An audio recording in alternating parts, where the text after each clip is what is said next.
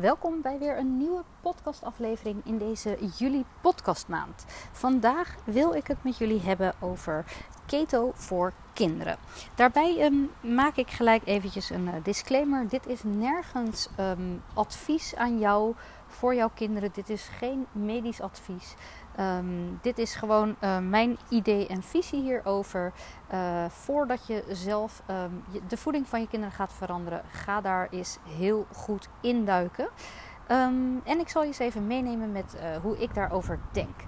Nou, wat we zien in, als we het hebben over kinderen en keto, weten we, de meeste van jullie die weten inmiddels dat keto ooit is ingezet als interventie bij kinderen met zware epileptische aanvallen. Deze kinderen werden op een uh, heel hoog vetrijk ketogeen dieet gezet, dus super hoog in vetten, minimaal in eiwitten en uh, minimaal in koolhydraten. Je moet je voorstellen dat dit voor uh, deze kinderen, maar ook hun ouders, een ontzettende opgave is. Dat was het toen, maar dat is het nu natuurlijk nog steeds. 100 jaar later, nu er nog veel meer verleidingen zijn om ons heen. Um, dus dat is, uh, dat is iets wat je natuurlijk uh, uh, vooral moet realiseren. Als jij zelf keto doet, weet je waarschijnlijk zelf ook dat het um, ook voor volwassenen al een hele uitdaging is om dit. Om, om, een ketogene leefstijl aan te houden. voor kinderen is het natuurlijk nog veel, vele malen moeilijker want dat, uh, uh, ja, dat, dat is natuurlijk uh, met alle verleidingen die er zijn. En zeker als je kind eh, nu nog altijd een regulier westers voedingspatroon heeft gegeten, dan is het ontzettend lastig om ehm, daarvoor een overstap te maken. De vraag is ook of het überhaupt nodig is.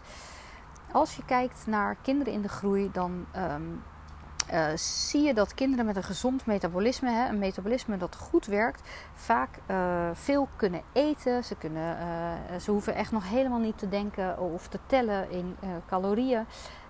ze hebben veel energie nodig, ze verbruiken veel energie en hebben dus ook um, in de meeste gevallen een efficiënt metabolisme, wat ervoor zorgt dat ze ook al die energieën kunnen verwerken, dat ze dat kunnen opslaan uh, waar nodig, maar vooral ook gebruiken omdat ze een hoog energieverbruik hebben.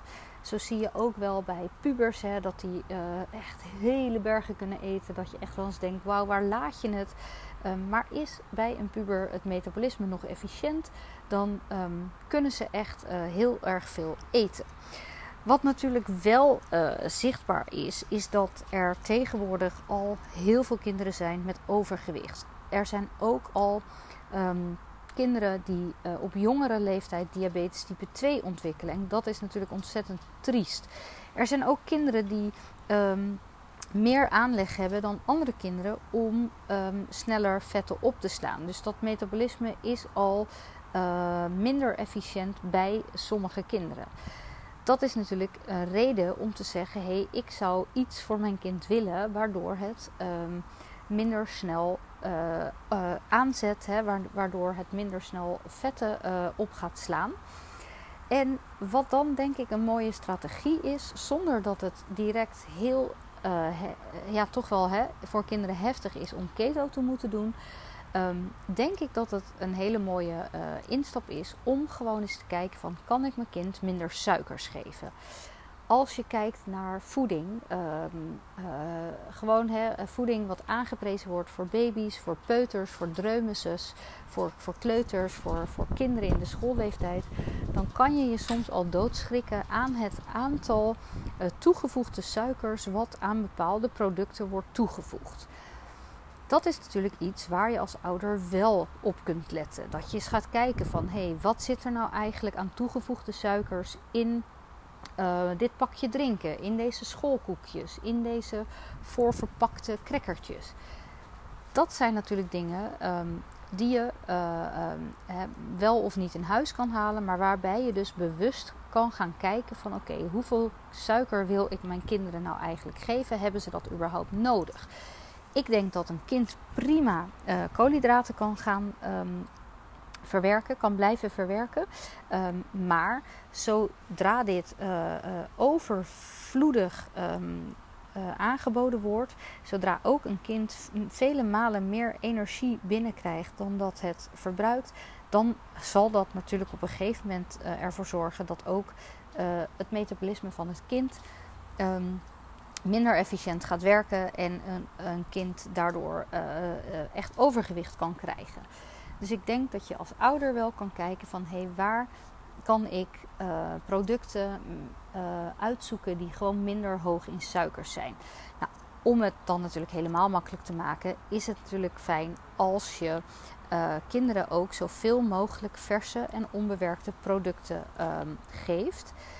En als dat de basis vormt, dan is het natuurlijk helemaal oké dat kinderen ook um, uh, uh, s'avonds bij hun maaltijd uh, gezonde koolhydraatbronnen aangeboden kreeg, krijgen. kunnen kinderen ook overdag brood of crackers of iets dergelijks eten? kan een kind natuurlijk ook heerlijk fruit krijgen? Um, en zou dat in principe geen problemen moeten veroorzaken? Um, dus ik ben zelf ook niet per definitie voorstander van een strikt ketogene leefstijl voor kinderen. Uh, omdat het gewoon echt ingewikkeld kan zijn en uh, veel moeite kan kosten. Maar ik denk dat het wel goed is om te kijken van waar kan ik ietsjes dimmen in de suikers. Laat een treat ook echt een treat zijn. Dus snoepjes is voor af en toe. Uh, hè, of, of spreek één keer per dag af. je kan natuurlijk aan de tussendoortjes voor naar school um, bepaalde keuzes maken die minder hoog in toegevoegde suikers zijn. Um, en je kunt um, ja, hè, zoveel mogelijk het goede voorbeeld leven en uh, kinderen uh, aanbieden wat jij eet en eventueel dus ook daarbij gezonde koolhydraatbronnen. Um, zelf wil ik ook, hè, mijn kinderen die, die eten ook uh, um, gewoon met de pot mee. Ik maak voor hen vaak wel een extra koolhydraatbron bij uh, uh, de avondmaaltijd.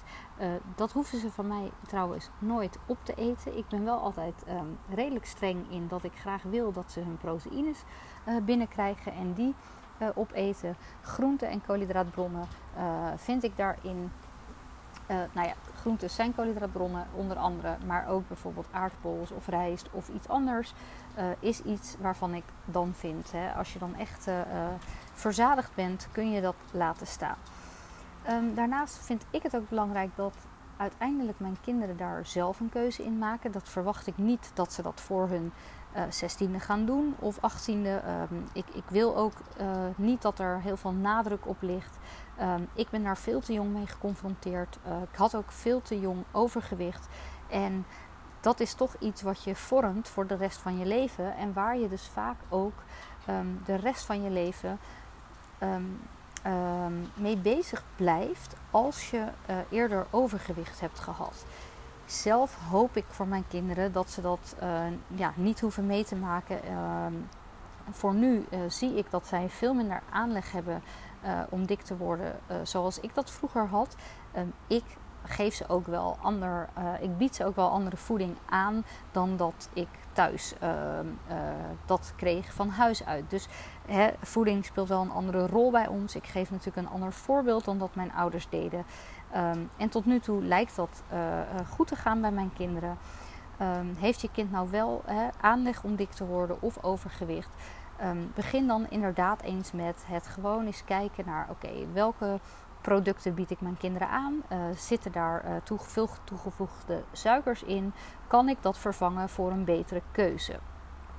Uh, soms kan het ook heel leuk zijn om daar met je kinderen hè, gewoon eens te vragen: hè, wat, vind je nou, wat vind jij nou fijn om te, mee te nemen naar school? Of lekker? Of hè, maak daar ook een soort spelletje van, betrek ze daarbij. Um, maar denk ik dat het zeker niet uh, in heel veel gevallen nodig is om een kind ketogeen te laten eten. Uh, daar zijn ook, hè, daar, dat, dat, we weten nog niet helemaal of dat überhaupt voor kinderen ehm, handig is, omdat het, het um, insulinegroeihormoon kan afremmen bij kinderen. dat willen we niet in, in jonge leeftijd. En uh, nee, wat wou ik zeggen? Dat, uh, dat het, wanneer het natuurlijk medisch noodzakelijk is of medisch aan te raden is, dan is het natuurlijk wel altijd iets wat je dan ook vaak onder strenge medische begeleiding doet. Ehm, er zijn wel heel veel voorbeelden van ehm, kinderen van meestal bepaalde keto-goeroes uit Amerika die wel al hun hele leven keto of carnivoorachtig eten. Uh, die kinderen zien er uh, in mijn ogen ook uh, hartstikke gezond uit. Um, dus daar, mensen maken daar een keuze in. Um, maar ik denk dat dat zo strikt niet nodig is. Zeker omdat kinderen ook nog veel in verleiding komen bij kinderfeestjes, bij anderen thuis, op verjaardagen, op school, bij tractaties. En um, ja, daar kun je natuurlijk uh, bepaalde dingen voor meegeven, maar je kan je ook afvragen van hè, wil ik daarin een uitzonderingspositie geven? Uh, wat je natuurlijk wel doet als je kind bepaalde allergieën heeft. Dus hè, zo uh, kan dat natuurlijk altijd. Um, maar ja, eigenlijk alles samenvattend is um, mijn advies van kijk eens gewoon welke keuzes je kunt maken op gebied van minder toegevoegde suikers. En um, uh, daarin uh, vooral dus uh, whole foods aan te bieden. Hè? Dus verse, onbewerkte producten. Um, en dat je daar je kind al heel veel plezier mee doet. Althans, gezondheidstechnisch. als ik kijk waar ik mijn kinderen het allerliefst plezier mee doe, hè, dan zijn dat echt niet de meest gezonde keuzes. Maar um, uh, denk ik dat je daar dus echt wel een mooi voorbeeld in kan geven. En ik denk dat dat eigenlijk uiteindelijk vooral belangrijk is. Het voorbeeld wat jij voorleeft. Dus niet eens wat jij zegt dat gezond is, maar wat jij laat zien aan jouw kinderen. En dat is wel iets wat ik heel erg uh, meeneem uit mijn eigen jeugd. Ik heb eigenlijk daar nooit een goed voorbeeld in gehad. En ik heb zelf mij daarvan moeten losworstelen. Ik heb zelf mijn hele visie daarop moeten ontwikkelen. En probeer daarin inderdaad nu een voorbeeld te leven voor mijn kinderen. Nou, ik hoop dat je hier weer wat aan hebt. En uh, kijk vooral al eens uh, op, um, op uh, internet als jij wel geïnteresseerd bent in meer keto-achtige um, um, voedingsplannen voor kinderen. Want die zijn er wel, maar ga je er wel goed in verdiepen als je dat echt wil. En kijk ook of het voor jou nodig is. Um, hè, of het echt een, een goede keuze is om het al bij jonge kinderen toe te passen. Ga je daar absoluut in verdiepen als je daarover nadenkt. Um, en je kan natuurlijk wel ook bedenken. Uh, ik, ja, sorry, ik uh, zit hier dus in Spanje en er is een bosbrand um, ergens vlakbij. En daar vliegen dus net twee van die vliegtuigjes langs. Ik heb geen idee of jullie het horen op de podcast. Uh, veel ambulances en sirenes hoor ik. vandaar dat ik heel even afgeleid raakte. Um, even kijken, wat was nou mijn laatste zin? Nou, ik weet het niet meer waar ik uh, mee wilde eindigen. Nee, volgens mij met dat er echt uh, veel informatie te vinden is. Uh, maar ga je goed inlezen. En um, als het niet medisch noodzakelijk is, hè, ga dan goed kijken van is dit wel echt iets wat ik zou willen voor mijn kinderen. Of um, uh, dat je dus inderdaad daar ook een afwisseling in maakt. Dat, je ze voor een deel met jou mee laat eten als je keto volgt. Maar daarin dus ook bepaalde uh, uh, koolhydraten wel aanbiedt. Omdat een kind dat vaak nog heel erg goed kan verwerken. Nou, ik spreek jullie weer in de volgende podcast.